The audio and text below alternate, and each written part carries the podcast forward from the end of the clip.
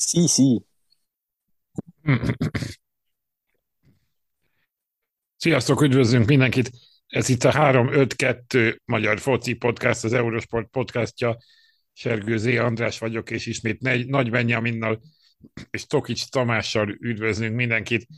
Hát két nappal vagyunk szerda délután a magyar-olasz meccs után, és két nappal a péntek esti mezőkövest Paks meccs előtt. Ezek ismeretében hogy vagytok, hogy telik, hogy telik a hetetek?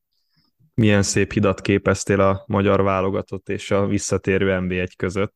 Mondhatni így telik a hét, hiszen kijöttünk az egyik sorozatból, ami azért összességében tekintve pozitív töltetekkel mm, van mögöttünk, és folytatódik az NB1, ami, ami oly kedves a szívünknek, meg remélhetőleg a kedves hallgatóknak is. Mintha a nyárból átléptünk volna a szomorú, hűvös őszbe, és jön a sötét tél. Olyan szép volt tényleg ez az átmenet, Andris. Uh, igen, amúgy érdekes érzések vannak bennem is abból a szempontból, hogy nem tudom, ti hogy vagytok vele, meg a kedves hallgatók hogy vannak vele, de, de nem csak azzal zárult le szerintem egy korszak, hogy Szalai Ádám visszavonult a válogatottól, de mintha ez a hétfő este, ez az olaszok elleni meccse egy, egy nagyobb, hát nem is korszaknak, de egy, egy érzés sorozatnak a, a lezárása lehet, és hát kiindulva abból, hogy ugyan lesz még két válogatott meccs idén, azok nyilván barátságos meccsek, teljesen más hangulattal, más célokkal, azért jövőre már egy új világ kezdődik, és annak az új világnak a középpontjában egyrészt az EB áll, nyilván az EB selejtező, selejtező másrészt pedig hosszabb távon nyilván a, akár a 2026-os világbajnokság.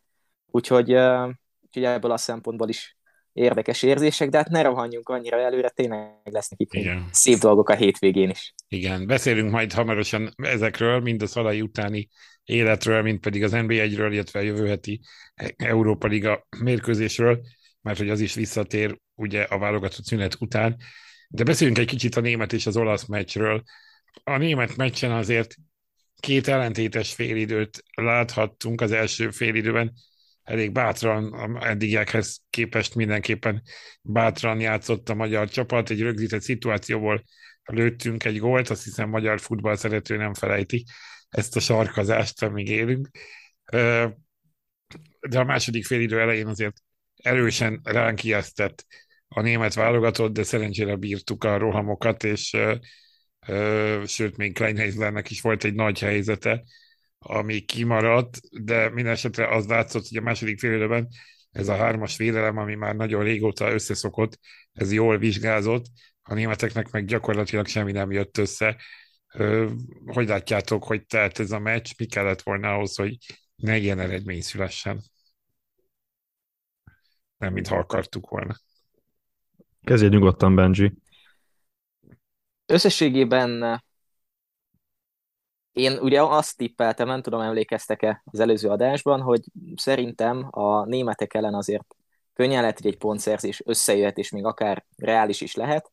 Aztán volt egy olyan másik tippem is, hogy az olasz, hogyha a németek ellen pontot szerzünk, vagy nyerünk, akkor az olaszok ellen is behúzzuk itthon, vagy legalább pontot szerzünk. Hát azért valljuk be az őszintét, ha így összeadjuk ezt a két meccset látottakban, ez a három pont, ez talán a legreálisabbnak tűnik. Mindegy, hogy milyen felállásban, milyen összetételben.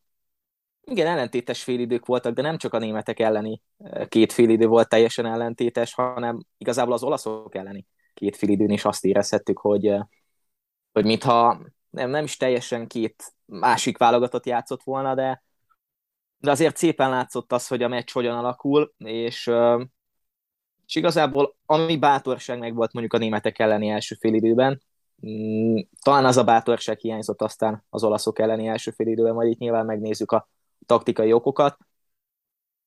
Bátran játszottunk, jól játszottunk, igazából nem tudom, hogy mit lehet elmondani azon kívül, hogy, hogy, hogy vizsgáltuk ugye a kezdőcsapatot, hogy vajon ki milyen teljesítmény, teljesítmény nyújthat, és igazából én azt éreztem a németek elleni meccs után, hogy a lyukak befoltozódtak, és a válogatott kezdő 11-ében különösebben nem nagyon találtam olyan posztot, vagy nyilván volt olyan poszt, ahol még lehetne jobb és erősebb, de, hogy összességében elégedett voltam a játékosokkal, gondolok itt például Langáden pozíciójára, aki mind a két meccsen prémán játszott szerintem, Kerkez Milos szintén nagyon jól játszott a németek ellen, főleg. Ennyi. Gazdag Dániel posztja az, amit itt számomra kérdőjeles. Neki azért, azért ez a pozíció, ez talán, talán nem feküdt úgy, nem véletlen, mintha mondjuk Sallai Rolandnak feküdt volna, aki többször játszott ebben, de gyakorlatilag ennyit, ennyit lehet elmondani így, így az olasz meccset is látva. Na én nem megalázni akarlak Benji itt a hallgatók előtt, de hogyha emlékeztek az előző adásban azt mondtam, hogy valószínűleg a németek elleni vagy németek ellen fogunk jobb eséllyel pontot szerezni, mint az olaszok ellen, és részben fakadt ez egyébként a két ellenfelünk játék stílusától. A, a németek elleni első félidő azt szerintem megmerem kockáztatni a Rossziéra legjobb félideje volt, tehát minden tekintetben dominált a magyar válogatott, labdával is, anélkül is a németeknek konkrétan momentuma nem volt az első félidőben, emellett pedig a magyar válogatott ugye főleg az első 25 percben sorozatosan dolgoztak ki a helyzeteket, nyomás alatt tudta tartani a, a kontratámadásokkal. A német válogatottat, Szoboszlai Dominik szerintem parádésan futballozott, rengeteg ilyen ilyen progresszív futása volt a labdával az első játékrészben, aztán a második fél ez inkább visszaesett, azért mert a németek így, így átkapcsoltak egy másik üzemmódba, és azt lehetett látni, hogy ott azért volt egy negyed óra, amikor elég meleg szituációkat kellett átélni, és, és nem elsősorban azért, mert a németek olyan baromi sok helyzetet dolgoztak volna ki, csak érződött az a tempóváltás, ami, ami már azért kényelmetlenül eh, jött ki a, a magyar válogatott számára, vagy, vagy igazából komfortzónán kívüli helyzetbe kerültek, annak ellenére, hogy egyébként a Marco Rossi féle csapat az alapvetően labda ellen van kalibrálva. Ugye ott is az volt, hogy az első félidőben szorosabb volt a labdabirtoklás aránya, aztán a másodikban nagyon durván megbillent a németek felé. Nyilván nekik kellett a, a pont, illetve a, a három pont ahhoz, hogy még versenyben maradjanak a csoport első helyét illetően. Ami pedig az olaszok elleni mérkőzéssel kapcsolatban jön az, hogy a második félidőben végre láttuk azt, hogy egy, egy top ellenfél ellen be tud tömörülni a magyar válogatott az ellenfél térfelére, és képes hosszú percekig ott tartani a labdát, és, és mondjuk volt egy olyan 5 perces periódus, amikor csak az olaszok térfelén folyt a játék, és az első félidő első negyed órája, vagy a második félidő első negyed órájában ugye rendszeresen jöttek a magyar helyzetek, viszont erre pedig azt tudom mondani, hogy az a csapat, amelyik nem tud egy támadáson belül négy nagy helyzetből egyet sem értékesíteni, az meg is érdemelje, vagy meg is érdemli, hogy a kontatámadásból, vagy az ellentámadásból e, gólt kapjon. Szóval összességben értékelve a, a két mérkőzést, szerintem pozitív irányba indult el Marco Rossi, és abból azt nem mondom, most már labdával is igyekszik azért valamit kezdeni a válogatott, és mondom még egyszer, tehát ezek a labdával e, való kezdeményezések, ilyen, ilyen kisebb fajta domináns jegyek, azok nem most fognak sokat érni, mondjuk egy Olaszország elleni 0-2 alkalmával, hanem amikor egy papíron nálunk sokkal gyengébb, vagy, vagy inkább azt mondom, hogy velünk egy kaliberű ellenfélel szemben kell ugyanezeket a labdás periódusokat uh, majd megcsinálni, legyen az Albánia, legyen az Törökország, legyen az Ferőer, stb. stb. Ezek ellen a csapatok szem, ellen szenvedett a magyar válogatott az elmúlt években, nem pedig a nagy csapatok ellen. Igen, az látszik, hogy nagy csapatok ellen ment jobban, mint ahogy ezt már az elején is beszéltük, de talán ez a, ez a azért azt lehet mondani, hogy a labdával való játékban ezen a hat meccsen erősödött annyit a csapat, hogy, hogy uh, talán a velünk egy szinten lévő csapatok ellen is uh, képes lesz uh, a, a, a kezdeményezni legalábbis. Azért, bocsánat, annyival, annyival kiegészíteném, hogy ez nem egy, nem egy egész mérkőzésen át tartott, hanem csak bizonyos periódusok Igen. voltak. Ugye azért az olaszok ellen láthattuk legtöbbször, hogy megpróbálkozunk mi a labda kihozatallal, de egyébként olyan 25 méternél távolabb nem jutunk a kapunktól. A vége úgyis az lesz, hogy előbb-utóbb ugye magunkra húzzuk az ellenfelet, és akkor próbáljuk felívelni Szalai Ádámnak, vagy pedig valamelyik támadnak, és egyébként ez a németek ellen is így működött. Valóban a az olasz el, olaszok elleni második félidőben volt az, hogy az ellenféltér felén voltunk, a németek ellen az első 25 percben volt ez, ezeket kell minél hosszabb ideig az ellenfél tér átvinni, és akár adott esetben 90 percig domál, dominálni egy mérkőzés labdával. én két dolgot tennék hozzá. Az egyik az, hogy ha két játékos kéne kiemelni, akik ebben a rendszerben talán még kevesebbet játszottak, és szerintem helytáltak, többször is figyeltem a, a rövid passzoknál, labdakihozatalnál, Kerkez Milos egészen jól megoldotta a feladatot, voltak nyilván hibái, főleg az olaszok ellen, de, de szépen beilleszkedett ebbe a válogatottba. A másik pedig Callum Stiles, aki zseniálisan játszott az olaszok ellen, nem csak a, a bátor támadó játéka miatt, hanem, hanem tényleg érezhető volt egy szerkezeti változás a, a cserét követően. Illetve a másik dolog, hogy sajnos, amit még hozzátettünk, és ezt az előbb nem mondtam, de szerintem tisztán lehetett látni, hogy egy picit nem tanultunk a, az első meccs hibájából, ugye a 2-1-es olaszországi meccs hibájából, hogy gyakorlatilag az olaszok félig meddig ugyanazt csinálták, amit csináltak az első meccsen, és a széleken szépen megbontották a védelmet, sikerült a, a válogatott mögé kerülni egyszer-kétszer. Nyilván ehhez kellettek egyéni hibák is, például ott Lang szituációjánál, amit ő is elmondott aztán a meccs utáni nyilatkozatában. De, de összességében a, talán a, második félidő volt tényleg az a négy olaszok elleni félidőből, ahol azt lehetett érezni, hogy passzus, van előrelépés, és, és igen, a, a kis csapatok ellen ez, ez jól jöhet majd a jövőben. Igen, ez volt az egyetlen olyan meccs, amikor többet birtokolta a magyar válogatott az ellenfelénél a labdat 53 száz... Jó, nyilván elenyésző, de 53 ban volt a magyaroknál, 47 az olaszoknál, és valami egészen hihetetlen várható gól arányt hoztak ki, a magyar válogatott 2-0-5, az olaszok pedig 1-41. Tehát mondhatni, hogy ezt a mérkőzést, ha, ha úgy veszük kettő egyre a magyar válogatott kellett volna, kellett nyerni. volna nyerni, de nyilván ugye a, a minőségi helyzetek kidolgozása az nem párosul a, a minőségi helyzetek kihasználásával, és, a, és ez megint egy érdekes uh, fordulat, mert ugye eddig az volt a magyar válogatott erőssége, hogy kevés minőségi helyzetből tudott gólokat lőni, lásd Anglia ellen, lásd Németország ellen, lásd ugye mondjuk azt, hogy az első olasz meccset is ide lehetne venni, most pedig rengeteg helyzete volt a magyar válogatottnak, sokkal több, idézelben sokkal több minőségi helyzete volt, mint az ellenfélnek, és nem tudott gólt szerezni a magyar válogatott. Igen, de ez, ez egyfajta, hogy mondjam, ez egy a, a támadójátéknak a dicsérete, nem? Tehát, hogy, hogy a, a, a hát szerintem meg pont, a kapuig többször. Hogy? Szerintem meg pont, hogy nem egyébként, mert hogyha azt nézzük a támadó játékban, hogy az lenne hogy minél hatékonyabbak legyenek a játékosok. A fejezés valóban nem. Értem. A, igen, de hát az nyilván, az pedig nyilván a támadó játékhoz tartozik. Jó, szóval, szó, szóval tehát értem én, hogy mire gondolsz, de hogy alapvetően um, nem, nem, a, nem a támadók tartják, tehát nem a három támadó tartja a labdát előtt, hanem alapvetően az egész csapat, és itt is ki kell emelni azt, hogy magasabbra mert menni a magyar válogatott, Szalai Attila nem egyszer tűnt fel, mondjuk beadó pozícióban, Langádám is a jobb oldalon, bár azért eh, Langnak nem az a legerősebb eh, skillje, hogyha már lehet ezt így mondani.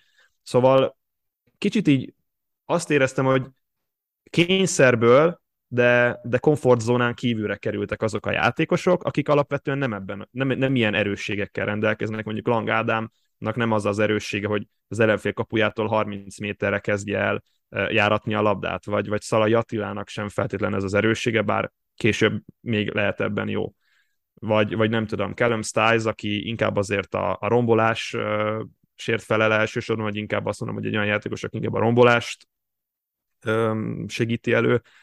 Ő sem biztos, hogy kényelmesen érzi magát, amikor pozíciós játékot kell játszani az ellenfél térfelén. Szóval részben abban is érzem az olaszok elleni vereség okát, hogy egyszerűen a magyar válogatott eddig megint egy mondhatnám, hogy idegen helyzetben találta magát, de most legalább eljutottak lövésig, most legalább alakítottak ki helyzeteket. Jó, de srácok, tegyük hozzá, hogy nem minden válogatott meccsen lesz egy ilyen formában lévő Gigi O'Donnell. Hát az meg a másik, igen. Igen. igen. Tehát ugye Callum Stiles nem tudom, hogy hány gólt fejelt életében, lehet meg kellett volna néznem az adás előtt, de, de most itt lehetett volna egy nagy lehetőség, hát igen. Elképesztő, miket fogod de azért azt tegyük hozzá, hogy a magyar védelem, hogy az hat meccsre együttvéve is elég jól teljesített, öt gólt kapott összesen a hat meccsen a magyar válogatott, ez a második legkevesebb az egész A divízióban, csak Portugália kapott nálunk kevesebbet, és ebből az ötből ugye négyet kaptunk az olaszoktól. Tehát ha úgy nézzük a másik két, másik, két, másik négy meccsen összesen egyet. Összességében, tehát mondhatni, hogy hogy jól zártuk ezt a sorozatot, és ezt a számok is megmutatják. A Nemzeti Sport Online-on jelent meg egy összesítés, ami azt nézte, hogy melyik válogatott mennyit lépett előre vagy hátra a tavalyi sorozathoz képest, inkább ez csak ilyen számisztikai szempontból érdekes. Ugye a magyar válogatott a nyolcadik helyen végzett, a négy csoport első, majd júniusban dönti el, hogy ki hányadik lesz, a csoport másodikok közül pedig mi voltunk a legkevésbé erről pontszámok alapján, de így is 12 helyet léptünk előre a tavalyihoz képest, az, vagy az előző kiíráshoz képest, az első kiíráshoz képest pedig 23 helyet. Ez ugye a C-ligából való szervezet átalakítási dolgok miatt is lehetséges volt, hiszen úgy jutottunk föl a B-divízióba két évvel ezelőtt, hogy akkor változott a divíziók csapatszáma. De beszéljünk talán egy kicsit előrefele. Szalai Ádám tehát elbúcsúzott a válogatottól az olaszok elleni mérkőzésen, és a, a kérdés az, hogy a hátralévő körülbelül fél, következő előttünk álló körülbelül fél év alatt milyen változások fognak bekövetkezni, mi fog történni a válogatottal, ami eddig Szalai játékára, a támadó játékunk Szalai játékára épült. Vannak ugye elképzelések, az egyik, hogy némi átalakítással akár két csatáros, nem pedig ez az erőcsatár verzióval állna fel a válogatott. Kíváncsi vagyok ebben a véleményetekre vagy fél év alatt helyzetbe lehet hozni akár Ádám Martint, akár Német Andrást annyira, aki ugye az 21-es csapat ellen éppen kedden lőtt egy gólt, tehát ott van végül is a nagy válogatott kapujában, kérdés, hogy mennyire van játékban a belga bajnokságban. Változ, én őszintén szóval, csak rövid, rövidre zárom ezt a, ezt a hosszú, nyúlt kérdést. Őszintén szólva, én az a kérdés, hogy a, a középpálya előrejátéka fejlődött-e annyit, hogy, hogy, hogy, meg lehet, hogy meg lehet változtatni az egy csatáros játékot két csatárosra, vagy pedig még mindig nincs ott. Azért ennyire alatt kitermelt, találta válogatott néhány olyan támadó középpályást, itt akár ö, ö, meg egyáltalán ezt a, ezt a, a részt, hogy, hogy az előrejátékban változtassunk ilyet, vagy pedig egyszerűen Ádám, Szalai Ádám helyét kell, helyettesét kell megtalálni szerintetek? Ez egy jó összetett kérdés, és szerintem a válasz is magában összetett erre. Én nem a, nem a középpályán érezném azt, hanem inkább a, a, a szányvédők pozícióját emelném ki, hogy most már azért vannak olyan szányvédők, Nagy Zsolt, Kerkez Milos, Fiola Attila, Loik Négó, akik képesek támadó pozícióban. Tehát Fiola Attila néha a, nem tudom, az ellentéte szögletzászlóhoz volt közelebb ilyen, néha, néha bement kilencesnek. Tehát, hogy vannak ilyen játékosok, és alapvetően én most azt gondolom, hogy a jövőben a, sokkal inkább a szélső játék lesz fontos, emiatt, font, emiatt pedig Iman Szalai Ádám helyettesét kell megtenni, egy olyan csatárt, aki egyrészt erős fizikumban, ezért le tudja foglalni a védőket, és, és tud birkózni velük, meg tudja nyerni a párharcokat, másrészt pedig tud is érkezni a kapu elé. Na most Adam Martin ebben nem feltétlenül rossz, de nem nemzetközi szint. Német András még nem nemzetközi szint, viszont talán ő közelebb van ahhoz, a, amit, amit, amit Szalai Ádám képviselt a válogatottban. Szóval az eredeti kérdésre visszatérve, szerintem nem kellene Márko Rosszinak változtatni az alap taktikán, az alap stíluson, vagy az alap, alap formáción, tehát ugyanúgy megmarad ez a 3, 4, 2, 1, és nem lesz belőle mondjuk 3, 4, 1, 2. Um, viszont jogos a, jogos a kérdés, hogy mi lesz, hogyha nem működik ez Német Andrással, vagy Ádám Martinnal, akkor, akkor mit fog uh, csinálni a Marco Rossi? Érdekes kérdés lehet, hogy pont a, az olaszok elleni talán utol, utolsó cserénél érkezett ugye Bola Bendegúz a pályára, és azon gondolkoztam, hogy vajon miért érkezhetett Bola Bendegúz, így nem csak a meccs szempontjából, hanem így hosszú távon belegondolva. És ha megnézzük, akkor ugye Bola ő világéletében szinte előrébb játszott, tehát javítsatok ki, hogyha tévedek, de ő annó, amikor a Phoenixben játszott Szoboszlaiékkal, akkor volt, hogy ő csatárként játszott, és középpályásként is, tehát azért elég sok támadásban benne volt, és gólokat is szerzett. elképzelhető egyébként, hogy, hogy hosszú távon egy bolla kerkez szélső páros, középen egy Schäfer, Nagy, Nagy Ádám, hát Nagy Ádám helyét is azért megkérdőjelezném, nem, nem az olaszok elleni játéka miatt, hanem sokkal inkább, hogyha lesz egy ilyen szerkezeti változás, lehet, hogy Callum Stiles a... Több előrejátékban a, a, többet. Igen, talán, talán előrejátékban, de talán, talán futómennyiségben több, több ponton fel tud tűnni a pályán, és ez az univerzalitása sokat jelenthet. Mm, és én még azt sem tartom elképzelhetetlenek, hogy ha úgy adódik a helyzet, akkor, akkor egy sallai, szoboszlai gazdag mm, csatártrióval fel lehet állni. Nyilván Ádám Martin lenne a, a megoldás, vagy lehetne a megoldás, de ő még nincs azon a szinten kérdés, hogy lesz -e egyáltalán. Hát Igen, meg ő eddig ilyen 15-20 perceket, ő eddig ilyen 15-20 perceket Igen. játszott, azt a, azt a tempót nem tudjuk, hogy egész meccsen mennyire bírná, akár egy nem top csapat ellen is. Hát Adam Martin inkább ez a backup játékos. Igen. Igen. Így fogalmazzak, és szerintem Német Andrásnak is egy backup játékosa lehet így a, így a későbbiekben, aztán ki tudja, lehet, hogy Mark Rossi egy átmeneti időszakban még azért kísérletezni fog, és azért viszonylag kevés ideje van a kísérletezésre, úgy fél év hosszúnak tűnhet, viszont két mérkőzés két, játszik ez alatt csak a magyar válogatott, ami meg azért hat hónapra lebontva nem egy, nem egy túl, túl nagy merítési lehetőség. De függetlenül meg kell nézni ezeket a játékosokat. Én simán el tudom képzelni, hogy a mindkét novemberi mérkőzésen más-más csatár fog játszani, és végig fogja játszani a mérkőzést német András, illetve Ádám Martin is. Nekem még van egy tippem, be lesz hívva olyan játékos is csatárposztra, aki eddig még nem. Zsuzsák Balázs. ja, Zsuzsák Balázs. Igen, aki a búcsú meccse után még ki tudja, hogy mennyit szeretne játszani, vagy fog játszani. De ha az NBA-ben valaki addig villog, én itt most Varga Barnabásra gondolnék, aki azért jó formában kezdte a szezon, még azt mondom, hogy ő is kaphat egy fél időt a négyből. Hát novemberben meglepődnék, megmondom miért. Ugye eddig Hán János és még Ádám Martin is nagy nehezen fért be a Rossi keretébe, tehát kvázi közönségdíjjal be kellett szavazni mindkettőt.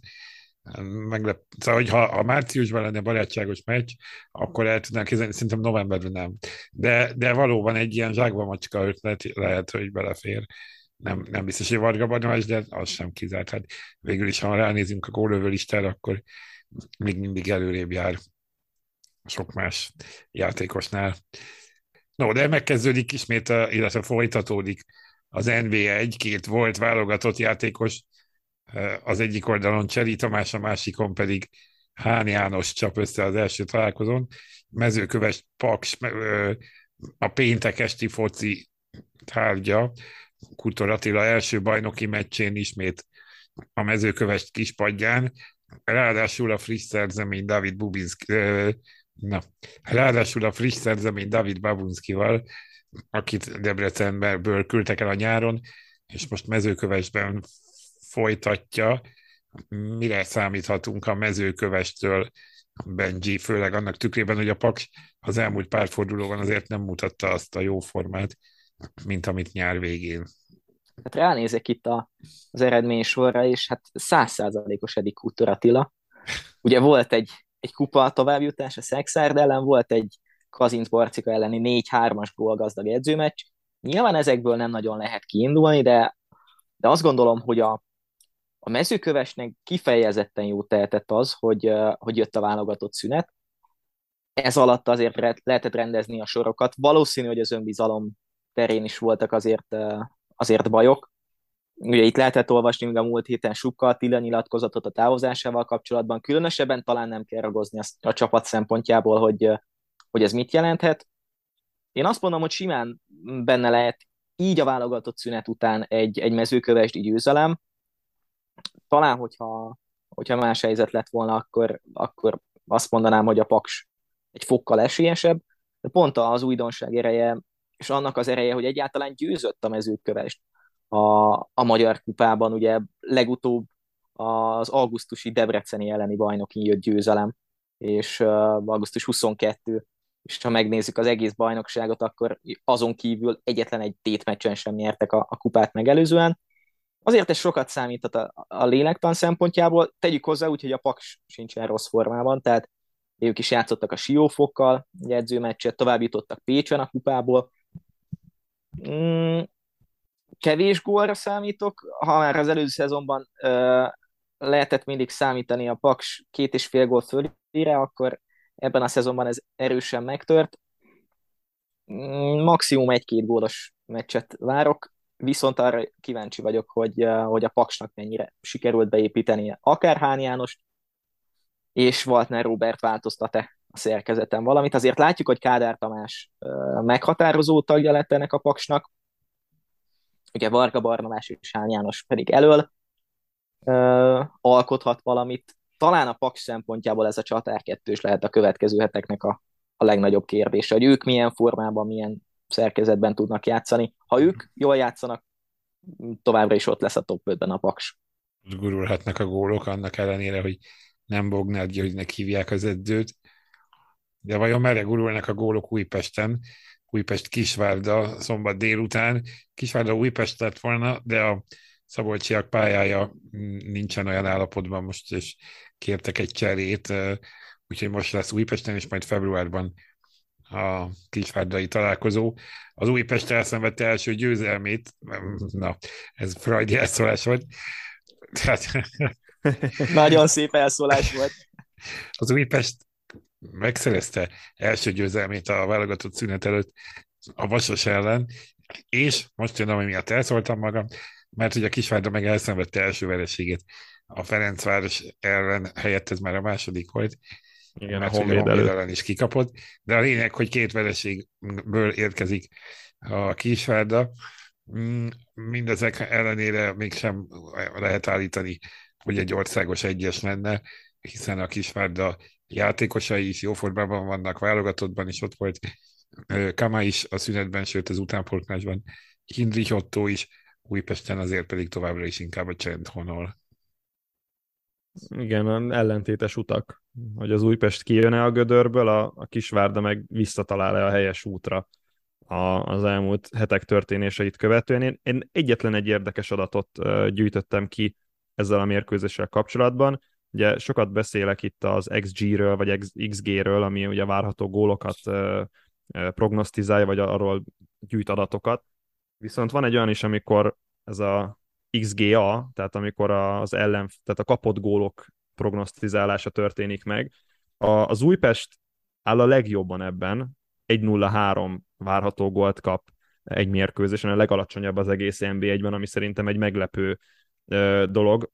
Mondjuk azt hozzáveszünk, hogy Krus is azért alapvetően támadóbb szellemű Újpestet szeretne látni minden egyes mérkőzésen, és ennek szellemében küldi fel a, a csapatát a pályára, talán annyira nem ezzel szemben a valóság az, az 2.00, tehát egy góllal többet kap meccsenként az Újpest, mint amennyit várhatóan kapna egyébként.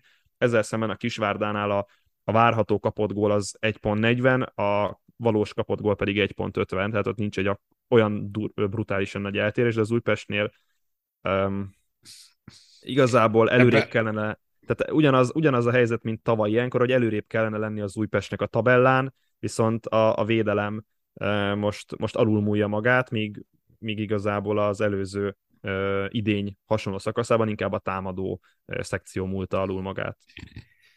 Igen, bár mondjuk az, az Újpest versenyben a legtöbb gólt kapta az NBA-ben, a Debrecennel együtt 14-et, és azért ebben benne van az a hatos, amit a Freddy tolt, tehát ha mondjuk az 8 plusz, mondjuk nem 6-0, hanem csak 2 vagy 3, ami a realitás volt, azon, illetve most ez, ebben is kezdjük bele, sokkal, de akkor, akkor is nagyobb a jobban, tehát akkor is egy, akkor is egy Igen. majdnem fél, fél, fél pontos eltérés van, ami, ami azért sok. Soknak számít, igen. Jó, menjünk tovább. Szombaton még szintén Debrecen Honvéd, Szrgyán Blagojevic, sikerült kimondanom az új edző nevét, aki az ideiglenesen kinevezett Dombi Tibort váltotta a 14. klubja a Debrecen az edzőnek 14 év alatt. Reméljük itt megmarad és, és szép sikereket ér el. Kívánjuk a Debrecennek. A Honvéd viszont elindult felfelé, most már a nyolcadik helyen áll a tabellában, vagy a tabellán augusztus vége óta nem kapott ki, akkor a Ferencvárosi 3-1-es vereség után két döntetlen és egy győzelem utóbbi az éppen lejtmenetbe induló Kisvárda otthonában. De vajon új erőre kap-e a Debrecen az új edzőtől, Benji? Hát erősen szkeptikus vagyok ezzel kapcsolatban. Nem tudom, nem tudom, hogy, hogy van-e kiút Debrecenből. Itt utána néztem annak, hogy, hogy a válogatott szünet mennyiben érintette a, a debreceni játékosokat, akár a, a pályára lépés szempontjából az egyes válogatottakban. Érdekes, hogy uh, ugye Barát Péter ott volt a válogatott keretben, pályára nem lépett, a felnőtt válogatott keretben Horváth Krisztofer játszott az U21-es válogatottban, és Szana Gomes csereként beállt a bissau válogatottba, majd kiállították őt a, a meccs végén. Tehát, hogy Blagojevicsnek ez a hét nap, hogyha jól számolom, mennyire volt elegendő ahhoz, vagy nyolc nap, számoljunk a, a meccs kezdetéig másfél héttel, mennyire volt elég a, a csapat szempontjából. Nem tudom, nem tudom, hogy lett volna észszerűbb választás uh, annál, hogy most idehozzanak egy külföldi edzőt. Én azt gyanítom, hogy lehet, hogy lett volna klubon belül olyan megoldás, hogy akkor valakit nevezzünk ki vezetőedzőnek, és akkor mondjuk irányítson Dombi Tibor ugyanúgy, ugye nincs meg a pro licensze, uh, és, és építsünk fel egy, egy szép struktúrát, egy rendszer, ez nincs meg. Mm, sötét ló ilyen szempontból a Loki, könnyen lehet, hogy már itt a következő hetekben eldől a sorsuk a bajnokság hosszú távú szempontjából. A Honvéd pedig azt látjuk, hogy elkezdett talán felfelé indulni, szép lassú mederben. Temkurt is azt nyilatkozta a Topolya elleni edzőmeccs után, hogy, hogy azért kezdi látni azt a csapaton, amit ő szeretett volna eddig. Az előrejátékban vannak biztató jelek, hogy ez mennyire lesz biztató, és ez a magyar bajnokság edzőváltásait nézve mennyi időt élhet meg, az már egy jobb kérdés, de, de, de egy fokkal talán most esélyesebb a Honvéd. De nem lepődnék meg, hogyha egy országos X lenne a vége, és nem azért, mert, Igen. mert nem nyerhetne egyik csapat, de ebben a szezonban láttunk már azért botrányos teljesítményeket mindkét csapattól.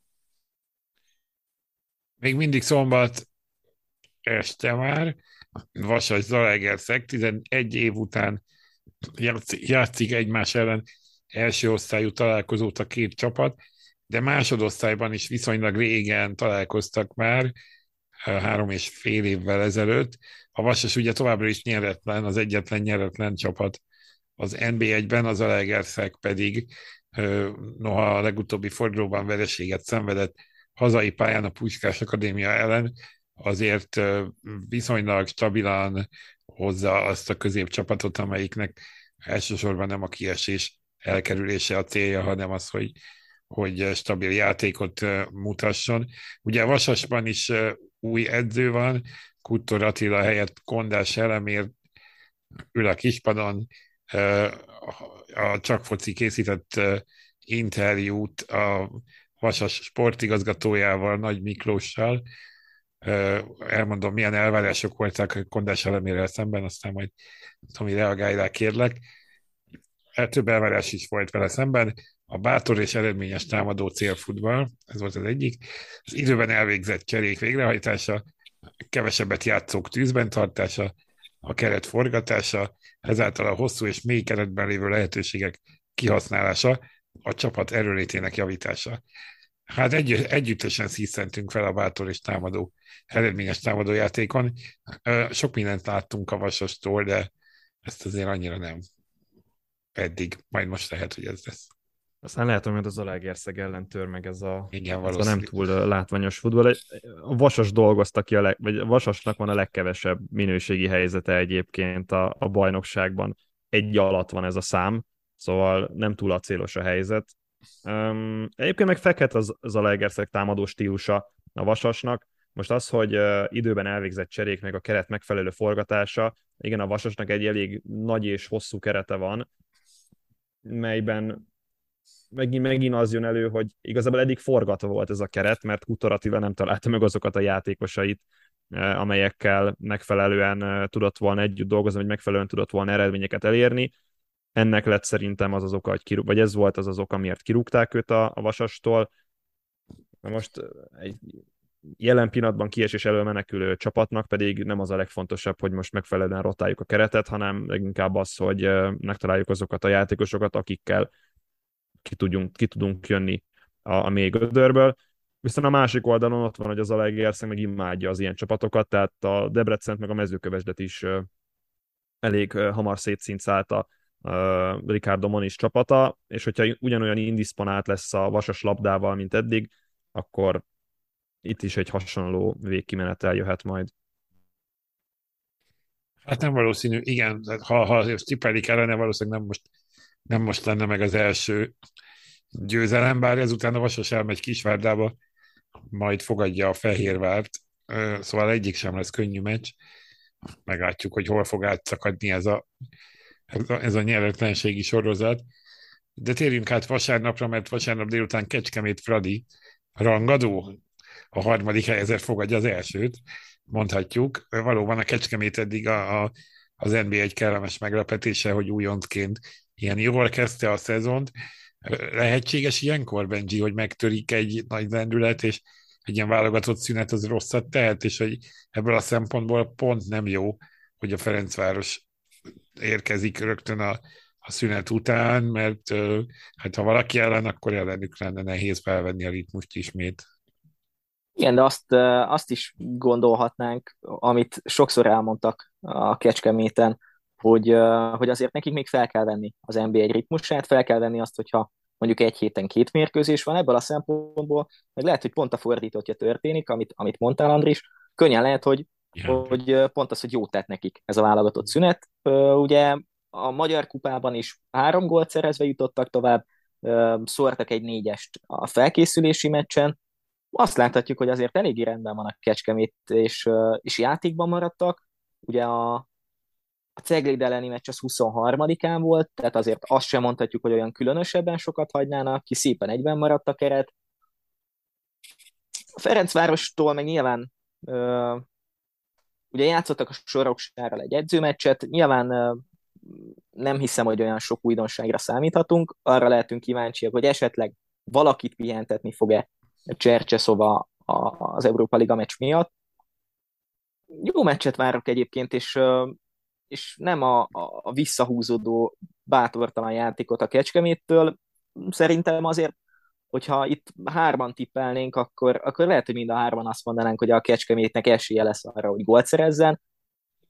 Talán még a pontszerzés sem lenne elképzelhetetlen, de, de egy jó meccsre számítok, és szerintem a, a magyar foci szempontjából az, hogy egy, egy Kecskemét Fradi egy jó meccs lehet, és, és nem arról van szó, hogy most akkor a Fradi olyan esélyes, hogy itt három-négy góllal legyőzze a Kecskemétet, ez is benne van, de nem valószínű, ez, ez csak jót tesz, vagy jót tehet.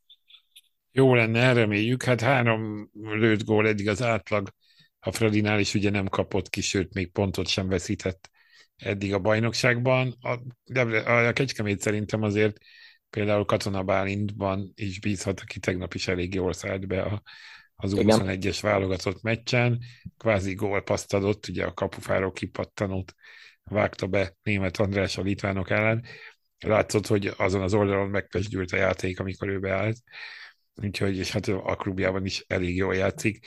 De nézzük a vasárnap kora estét, Puskás Akadémia Fehérvár megyei rangadó, Fehér megyéből, a Puskás Akadémia az első forduló óta, tehát július vége óta nem kapott ki, három győzelem, négy döntetlen, egy vereség a mérlege, és had gólt kapott, ami a Ferencváros után a második legkevesebb, úgyhogy elég jó a, a védelem, de valóban a Puskás Akadémia is, amiről már többször beszéltünk, általában labda nélküli játékban tud dominálni. Mire lehet ez elég, vagy akkor érzi jól meget, de mire lehet ez elég a Fehérvár ellen, ami három győzelemmel és négy vereséggel eddig eléggé, hát ilyen Jánusz, ilyen kétarcú. Szóval mire lesz ez elég?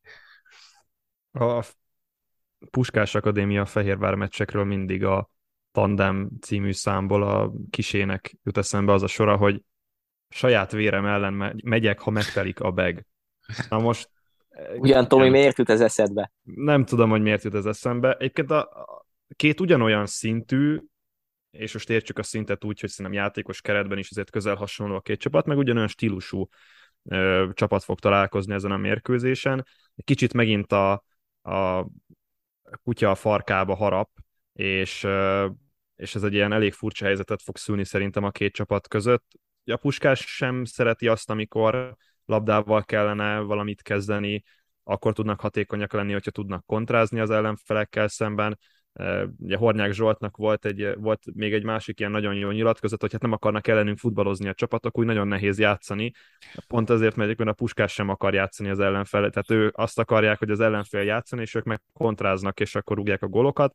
A Fehérvel egy kicsit ugyanez, bár ők már uh, láthattuk nyáron, meg, meg így kora ősszel, hogy próbálkoznak azért labdával mit kezdeni, de hát még mindig nagyon nagy hiányosságok vannak ebben. És akkor egy másik statisztikai adat, amit hoztam, ez már az XG lesz, a, a, az XG és a valóság. A Puskás Akadémia 1.67 század XG-t átlagol meccsenként, a valóság 1.16. Itt van egy ha, 5 tizedes különbség. Itt van egy za- za- Zahedini a... különbség, bocsi Tomi, itt van egy Zahedini különbség. De egyébként, egyébként nagyon sokat kritizálod Zahedit, de szerintem ő egyáltalán nem rossz játékos. Nem és... rossz játékos, csak uh, Hornyák e, volt szavait fordítom át, ugye ő mindig mondja, hogy Zahedinek több gólt kéne rúgnia. Igen, Ennyi. igen, de egyébként én szerintem Zahedi pont az a, azon kevés uh, Fehérvár játékos, vagy Fehérvár, már előre gondolkozom lehet egy kicsit, azon kevés ez is egy játékos közé tartozik, akiknek egyébként, igen, ez is egy fradi elszólás, akiknek egyébként szeretem nézni a játékát, mert, mert egy technikás, támadó futballban abszolút alkalmazható játékosról van szó, és akkor nézzük a Fehérvárnak az XG-ét, az 1.24, és egyébként meglepően náluk túlteljesítés van, hogy nagy 1.29 a, a, a valóság, tehát egy minimálisan 500-addal, de túl teljesítik azért a, a várható gólokat. Ami elnézve ezt a csapatot szerintem, szerintem, szerintem meglepetés. No, hát meglátjuk minden esetre a Paks, Paks a Puskás Akadémia pontosan fele annyi gólt kapott, mint a, mint a Fehérvár, úgyhogy hiába hasonló a stílusuk egy kicsit jobban muzsikál egyelőre a védelem. Itt, itt, itt pedig azt tudnám mondani, hogy szintén Hornyák Zsolt szavait idézve, itt van egy Batik Bencényi különbség. Ugye Batik Bencé dicséri, hogy a, a védelembe kellett egy stabil tag, ugye itt a kiesések, vagy a sérülések következtében, hát lehet, hogy Emiatt Batik lehet, Bence hogy ez jelentett a megoldást. Mielőtt az utolsó témánkra rátérünk, ami a Crvenas Vezda Ferencváros Európa Liga találkozó lesz jövő héten, pár szóban érdemes beszélni arról, hogy már a második NB3-as klub lép vissza a bajnokságtól a bajnokság közepén, amihez az elmúlt években azért nem vagyunk hozzászokva. Először a Balasagyarmat lépett vissza, most pedig már a Makó is bejelentette, hogy nem fogja tudni folytatni a bajnokságot, ami, amit hát a makói közlemény mindenképpen arról szól, hogy hogy a megemelkedett rezsiárak, a fenntarthatóság kérdése utolérte a csapatot. Ezzel ugye pár héttel ezelőtt a fehérvári polgármester is fenyegetőzött, vagy nem fenyegetőzött, ez egy rossz szó, tehát belengedte, hogyha az óvoda és a stadion között kell választani, akkor az óvoda fog elsőbséget élvezni. A Balasagyarmaton meg Makón pedig már meghozták ezeket a döntéseket. Hogyan tudnátok kommentálni ezeket a dolgokat? Mi lehet ennek a vége, utolérhet -e esetleg magasabb szintű klubokat, mit, mit látunk ebben? Kiindulva azt, abból legalábbis, hogy az utóbbi években azért láttunk az MB2-ből nem egy pénzügyi problémák miatt kieső, kizárt szezon közben visszalévő klubot, gondoljunk csak a Balmazújvárosra, a Vácra, nyilván különböző okok voltak minden csapatnál, sajnos benne van, és ahogy, uh, ahogy így hallom a, a háttérben a dolgokat, sok csapatnál, vagy egyre több csapatnál van, ahol nem tudják fizetni a játékosokat, sok csapatnál terveznek csak fél évig, tehát akár az őszi, őszi szezon végéig, és aztán nem tudják, hogy mi lesz tovább. Illetve a másik történet, hogy azért itt szépen csendben uh, elkezdtek átalakulni a dolgok az MB2 jövője szempontjából, és nyilván azt tudni lehet, és már úgy terveznek az egyes csapatok, hogy a az MB3-ból való feljutás sem lesz egyszerű az MB2-ből, ugye jön a playoff rendszer. Mm, lehet, hogy, lehet, hogy sokan már előre gondolkoznak az években, és inkább meghozzák azt a döntést, hogy a felnőtt csapat szezon közben feladja a bajnokságot, inkább lépjen vissza egy szintet, és akkor majd lesz megyei csapat, de az utánpótlás menekülje meg, akik majd idővel akár fel tudnak jutni az MB2-be. Mm, sajnos tényleg azt látjuk, hogy, hogy egyre több csapatnál van ez. Hogy az MB2-t érintheti ez, az egy jó kérdés egyébként, ott azért egy fokkal talán stabilabb a költségvetés minden csapatnál. Mm, nem tudom, nem tudom, hogy, hogy ott lesz-e valami, de MB3-as csapatok szerintem még fognak visszalépni. Sajnos. Érdekes, Benji, hogy te fentről vizsgálod ezt a problémakört, én, én pedig lentről vizsgálnám ezt a problémakört. Eleve nagyon nagy különbség van egy megye 1, meg egy, meg egy MB3 között. Amelyik csapat meg akarja ugorni ezt a szintet, annak sokkal-sokkal nagyobb költségvetése kell. Nyilván az utaztatás az egy, az egy hatalmas különbség ilyenkor. Akár mondhatom a játékosok fizetését is, vagy azt, hogy mondjuk a játékosok minőségét is, azért ne felejtsük el, hogy megye egyben, hogyha valaki tud keresni heti három edzéssel, mondok egy számot 150 ezret, akkor nem fogja MB3-ban ugyanezt az összeget megkeresni öt edzéssel, vagy, vagy napi kettővel. És ez egy fontos különbség. Tehát ezáltal a játékosoknak kényelmesebb lesz az, kevesebb munkával le tudják én ugyanazt a, ugyanazt a fizetést. Mert egyébként az MB3 és a megye egy eleje, meg azok a csapatok, amelyek fel akarnak kerülni az MB3-ba, fizetésben, meg költségvetésben nincsenek nagyon messze egymástól. Ez nyilván egy, egyfajta játékosok elszipkázását jelenti, a másik meg az, hogy jobb játékosok igazolására vannak rászorulva ezek a csapatok, amely nyilván sokkal költségesebb. És amikor egy e, kisebb város, vagy akár mondhatni falu felkerül az MB3-ba, akkor azzal kell szembesülni, hogy teljesen más um, induló pontról mennek, mm-hmm. mint, mint azok a csapatok, amelyek már évek óta ott vannak az MB3-ban, és most jó lehet, hogy a Balassa gyarmat meg a Makó azért nem újonc, a jól tudom, ők nem újoncok voltak ebben a szezonban, de mégis egy, egy olyan helyzetet szült ez az egész, hogy egyszerűen már pénzügyileg nem bírták el az MB3-as terhelést. Erre most rátesznek ezek a külső ö, problémák, mint a rezsi, meg a, meg a nem tudom, ö, stb. stb. Itt egy, ez, ez, a, ez a válság, ami, ami kialakulóban van, és én, én veled ellentétben MB2-es szinten is el tudom képzelni, hogy lesznek olyan csapatok, amelyek előbb-utóbb azt mondják, hogy bocsánat, de, de a költségvetésünkbe ez nem fér bele, és elsősorban azokat a csapatokat kell itt megemlíteni, amelyek kisváros, alapból kis költségvetéssel vágtak neki, nincsen olyan támogató vagy szponzor, amelyik tudná állni ezeket a költségeket, és, és valóban pénzügyi problémákra hivatkozva fel lehet adni azt a bajnokságot, mint ahogy tette mondjuk a Balmazújváros, vagy tette azt a Vác. És még egy dolog, ugye a stadion üzemeltetése, az meg nyilván nem csak klub, hanem inkább önkormányzati történet, tehát igen, elképzelhető amúgy, amit mondasz, Tomi, hogy egy kisebb MB2-es ö, csapatvárosában azt mondják, hogy bezár a stadion, mihez kezdjünk. Nyilván Makón is ugyanaz van, hogy bezár a stadion, egyszerűen nincs ahol játszani, és rohadt nagy pluszköltség lenne az, hogy ők elutazzanak egy másik városba, és ott játszák a hazai meccseket. Hát mm, reméljük, hogy ez sok hasonlóra nem fog sor kerülni, de nem tudjuk kizárni.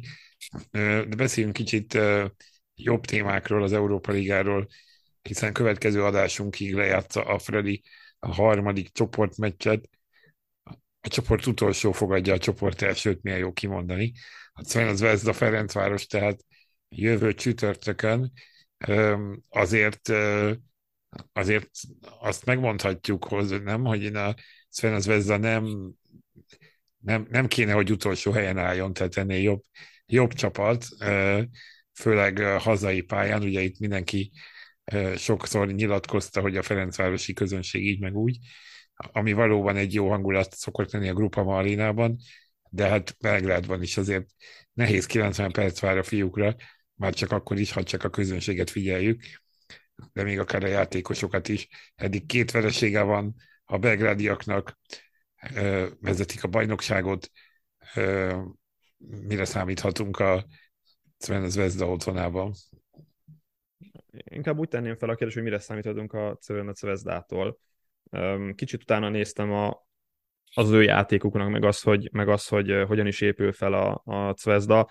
hogy alapvetően egy 4-4-2-t vagy 4-2-3-1-et játszanak, Dejan Stankovic volt a vezető edzőjük a, a bajnokok ligája playoffig, aztán miután nem sikerült bejutni a bajnokok ligája csoportkörében, ezért önként lemondott a, a tisztségéről, és átvette Milán Milojevic a, a csapat irányítását, és hogyha már arról beszéltünk, hogy itt a Trabzonspor sem szereti, hogyha labdával kell mit kell kezdeniük valamit, a Monaco sem szereti, hogy labdával kell dominálni, a Ferencváros sem szereti, hogyha labdával kell dominálni, akkor viszont a Cvrenda Cvezdára el lehet mondani, hogy nekik e, alapvetően a labdával való játék az erősségük. És ezért gondolom azt, hogy a Cvrenda Cvezda egyébként a legnehezebb ellenfele a Ferencvárosnak ebben a csoportban, mert labdával sokkal erősebbek, mint anélkül, amellett, hogy egyébként e, nagyon jó, nagyon jó kontrajátékuk van, tehát védekezésből támadásba való átmenet az, az kifejezetten jó a Cvrenda Cvezdának, de például megnéztem a Maccabi Haifa elleni mérkőzésüket, a visszavágót, a, a belgrádi mérkőzést, tudod, konkrét az első 45 percben, hogyha 3-4-0-ra vezettek volna, egy szavuk nem lehetett volna az izraelieknek. Nyilván az, az meg, ahogyan alakult az élet, egy, egy, egy potyagol, meg, meg egy, meg egy öngól volt, amivel a Maccabi Haifa ki tudta ütni a Cverendac Zvezdát a playoff körből, és ezért ugye átkényszerültek az Európa Ligába.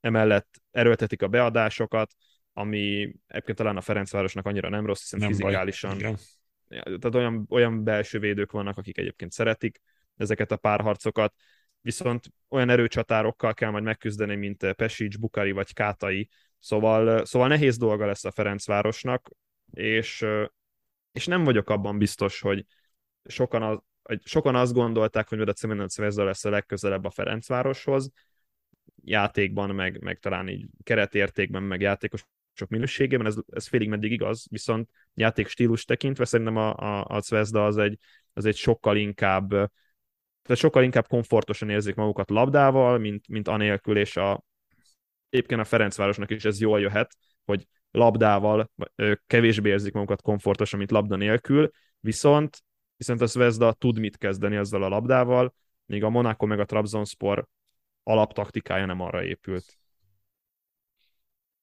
Én láttam Ugye? még augusztus, augusztus végén a Makabi Haifa elleni uh, BL selejtezőt, ugye, ahol szinte az utolsó percben, vagy az utolsó percig játékban voltak, és ott szegény Pavkovnak volt egy hatalmas öngolja. Ugye azzal lett 2-2 a, a meccs, és azzal esett ki a Crvena. Utána aztán távozott is Pavkov, ha jól tudom, Szaudarábiába igazolt azzal a lendülettel. Más az a Crvena, meg más a mostani Crvena. Szerintem itt egy dolgon fog múlni a, a történet. Ö, láthattuk azt, hogy a, az előző meccsen a Monaco ellen, tehát a Trabzonspor ellen is úgy mondom, hogy a, az előző hazai meccsükön a, a, Monaco ellen is azért elég sok helyzetet dolgoztak ki, volt 11 kapura lövésük, 52-3 százalékban, hogyha jól emlékszem, náluk volt a labda, a Trabzon ellen is ha jól tudom, 42-43 százalékban, tehát nem játszottak alá rendelt szerepet egyik meccsükön sem, úgyhogy, úgyhogy tényleg aki elindulna a fogadóirodákba, és uh, megrakná hatalmas pénzekkel azt, hogy itt a, a Fradi mindenképpen győzni fog, vagy pontot szerez, az ne, ne nagyon tegye, mert, uh, mert most mondhatjuk azt, hogy, hogy talán még az ő helyük a Cervena helye nem, nem a leghitelesebb, vagy nem a re, legreálisabb ebben a csoportban meglepődnénk szerintem, hogyha ők három meccs után nulla pont állnának. Most hiába a Ferencváros jó kezdése, azért, azért egy kemény meccsre lehet számítani. A másik történet meg viszont az, hogy ne felejtsük el, hogyha adott esetben most jönne egy Fradi győzelem, akkor nem csak az a már beszélt vagy belengetett konferenciáliga tavasz jöhetne, hanem lassan elkezdhetnénk, vagy elkezdhetnének azon gondolkozni, hogy könnyen lehet, hogy itt a csoportban egy továbbjutás jöhet az elben. Mm, úgyhogy ez is hajthatja a Fradit.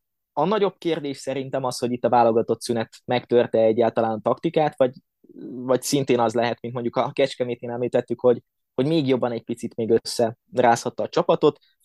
Láthattuk, hogy azok a játékosok, akik, akik nem mentek most el válogatotthoz, játszottak a Soroksár ellen, Boli is egészen jól játszott, úgyhogy, úgyhogy különösebben szerintem a Fraditól nem számíthatunk meglepő vagy másabb játékra, mint eddig, és hogyha még jobban összeérik ez a csapat, mint ahogy láthattuk az utóbbi életekben ezt a folyamatot, akkor, akkor a Fradinak sincs olyan nagy félnivalója. Könnyen lehet, hogy ez egy X-es meccs lesz így, így megállapítva, szeretek tippelgetni, de, de benne van egy döntetlen ebben a meccsben, úgyhogy mindkét csapat szerez gól. Szívesen a tippings tippeket a hallgatóknak. Majd kérjük a részesedést Benji, reméljük, reméljük Benji nem úgy jön, mint a, reméljük nem úgy jön, mint az olaszok elleni tippem. Akkor inkább rám kellene hallgatni, nem? Így van, így van, így van. Na minden esetre most hat pontja van a Fredinak, és hát az az előny, hogy van még két hazai meccs, ami, amiből mondjuk négy pontot azért össze lehet talán szedni. Az már tíz, tíz ponttal pedig tavaly minden csapat továbbított a második helyen, aki tíz pontot ért el. Úgyhogy, de ez azért nem garantált nyilván, tehát hogy ez a, ez a hazai négy pont is mondjuk, hogy ennél van rosszabb forgatókönyv, de reméljünk jobb forgatókönyvet jövő hétre. Bízunk abban, hogy nem kap ki a Freddy pontot szerez.